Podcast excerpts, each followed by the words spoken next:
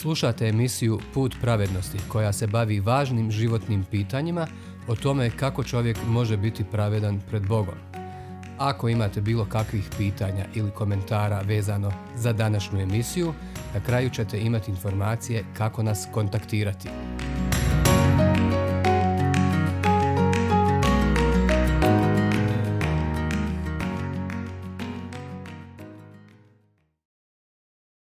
Dovršeno je. Matej 27, Marko 15, Luka 23, Ivan 19. U posljednjoj lekciji smo vidjeli kako su vjerske vođe uhvatile Isusa, odvukli ga prvosvešteniku i ispitivali svu noć. Sljedećeg dana su ga predali Pilatu, rimskom upravitelju i zahtijevali da ga osudi na raspeće. On je to i uradio. Prethodno su ga vojnici sadistički šibali, Narugali su mu se tako što su mu ispleli trnovu krunu. Pljuvali su ga, šamarali i tukli štapom. Tako su djeca Adamova tretirala kralja slave, koji nam je došao sa nebesa. Ali ni ti mučitelji nisu znali da svim tim ispunjavaju proroštva, davno rečena o Mesiji, o tome kako će da postrada od ruke grešnika. Danas nastavljamo sa tekstovima Inđila vidjet ćemo kako je Mesija postradao na krstu. Time je ispunio Božji veliki plan spasenja, baš kako su davno, davno proroci najavili. Ali prije nego počnemo, naglasimo nešto. Kada je Isus živio na zemlji, Rimljani su raspećem izvršavali zakonske presude smrtne kazne. Prosto bi ih zakucali na neki stub, na drvo ili na krstove. Da bi poniženje bilo veće, osuđenik bi bio sasvim razodjeven i potom klinovima probadan kroz ruke i noge.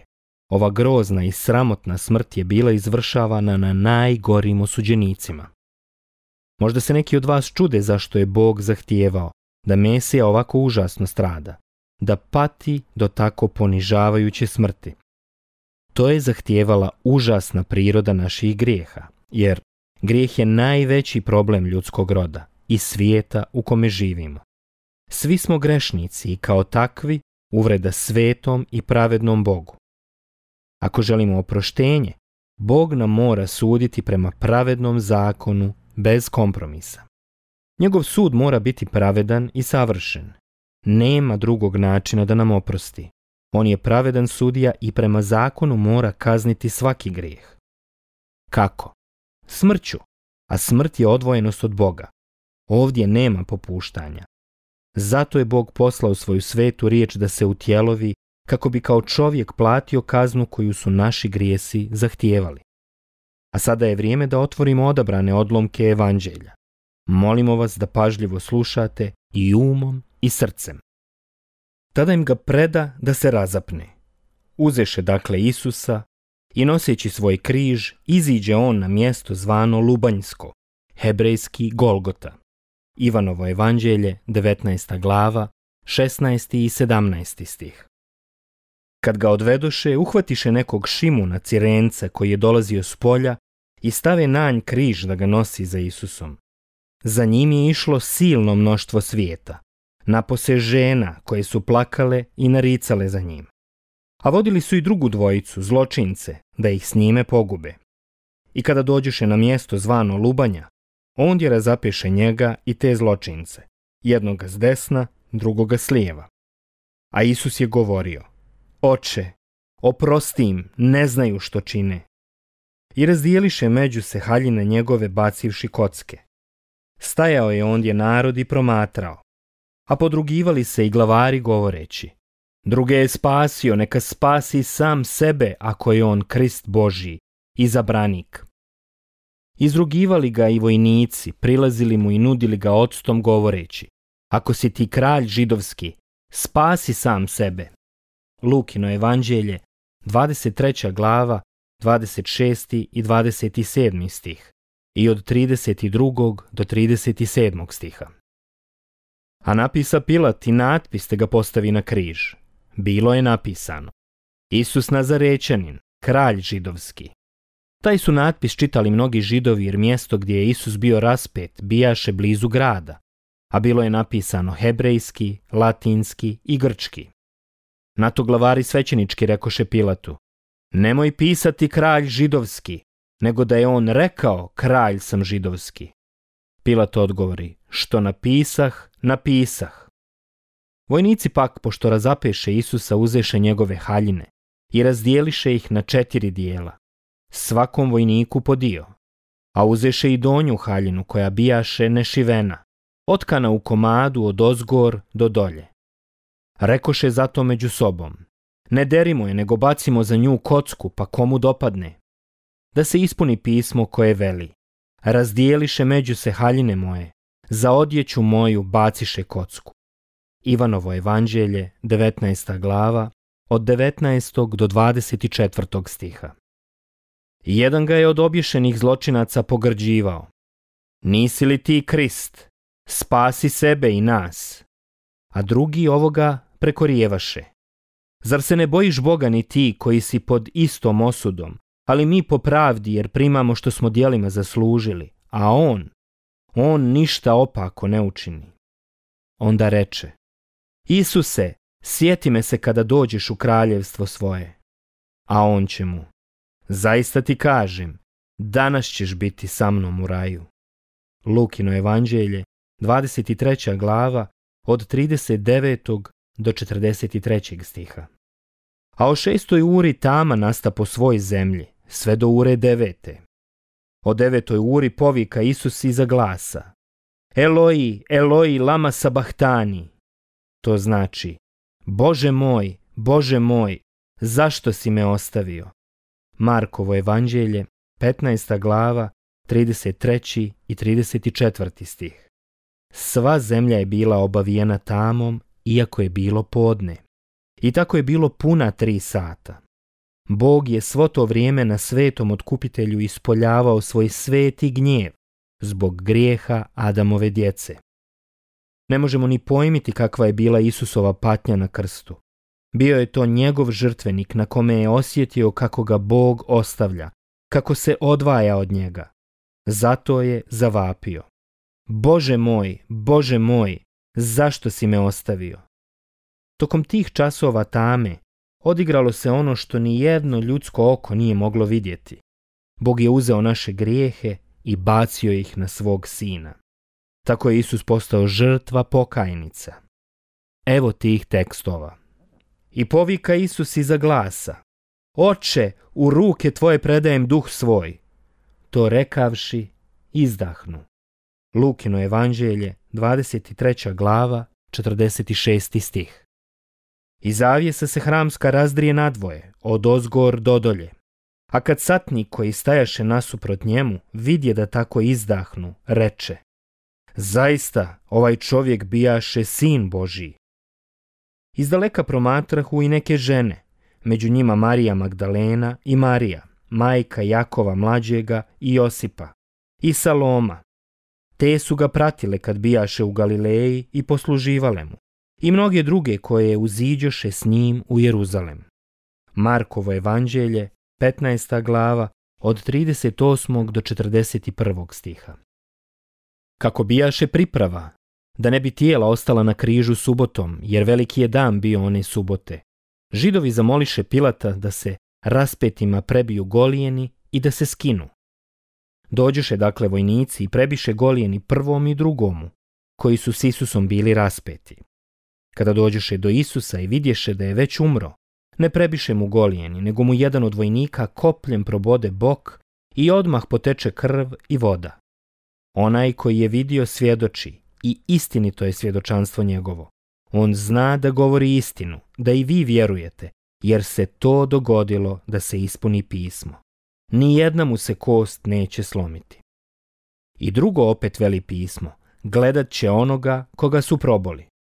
Nakon toga, Josip iz Arimateje, koji je kriomice, u strahu od židova, bio učenik Isusov, zamoli Pilata da smije skinuti tijelo Isusovo i dopusti mu Pilat. Josip dakle ode i skine Isusovo tijelo. A dođe i Nikodem, koji je ono prije bio došao Isusu noću, i donese sa sobom oko sto libara smjese smirne i aloja. Uzmu dakle tijelo Isusovo i poviju ga u povoje s miomirisima, kako je u židova običaj za ukop. A na mjestu gdje je Isus bio raspet, bijaše vrt i u vrtu nov grob u koji još nitko ne bijaše položen je dakle zbog židovske priprave, jer grob bijaše blizu, polože Isusa. Ivanovo evanđelje, 19. glava, od 31. do 42. stiha. Prijatelji, Mesijina priča nije završena grobom. Sve ovo što smo čuli je zapanjujuće. Vidjeli smo kako su Adamovi potomci prezreli Mesiju, gospoda života. Ubili su ga razapevši ga na krst.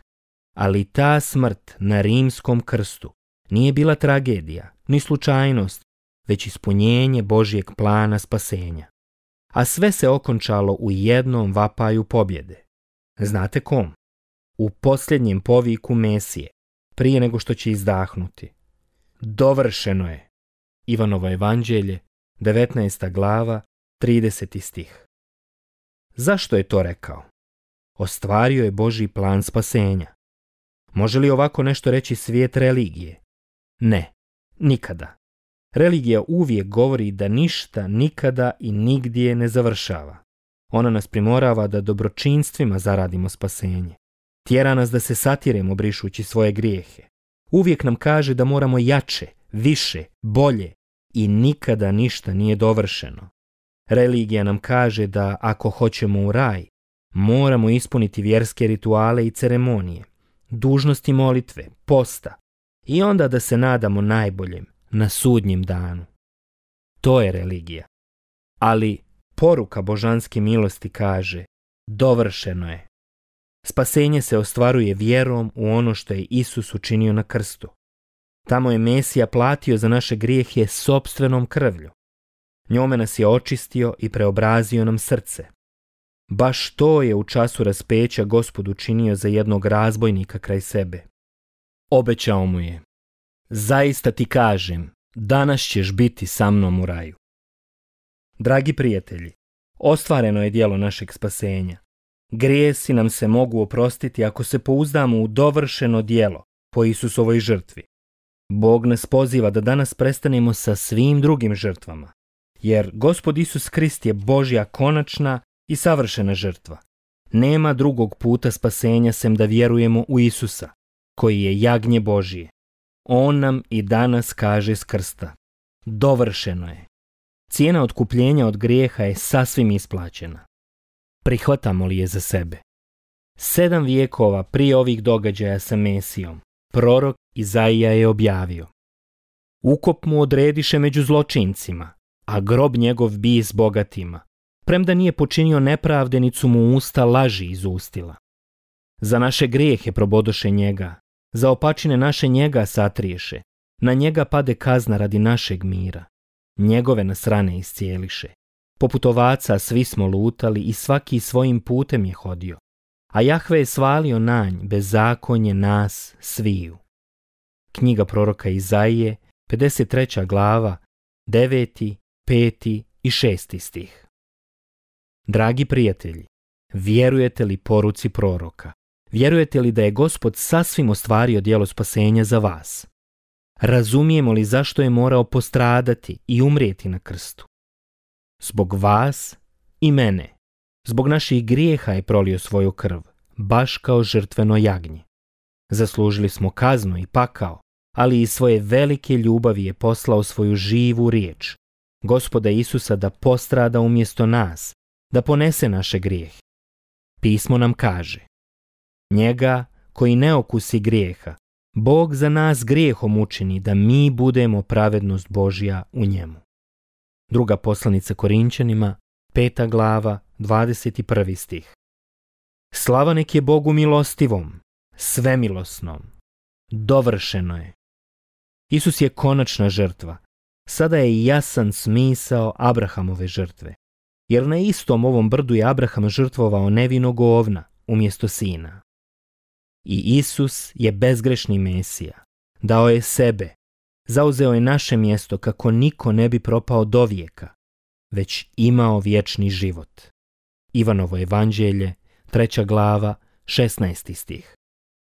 Bog neka vas blagoslovi dok ponirete u ove dubine istine, u oslobađajuće riječi Mesije, kada je sa krsta pobjednički uskliknu. Dovršeno je! Ivanovo evanđelje, 19. glava, 30. stih.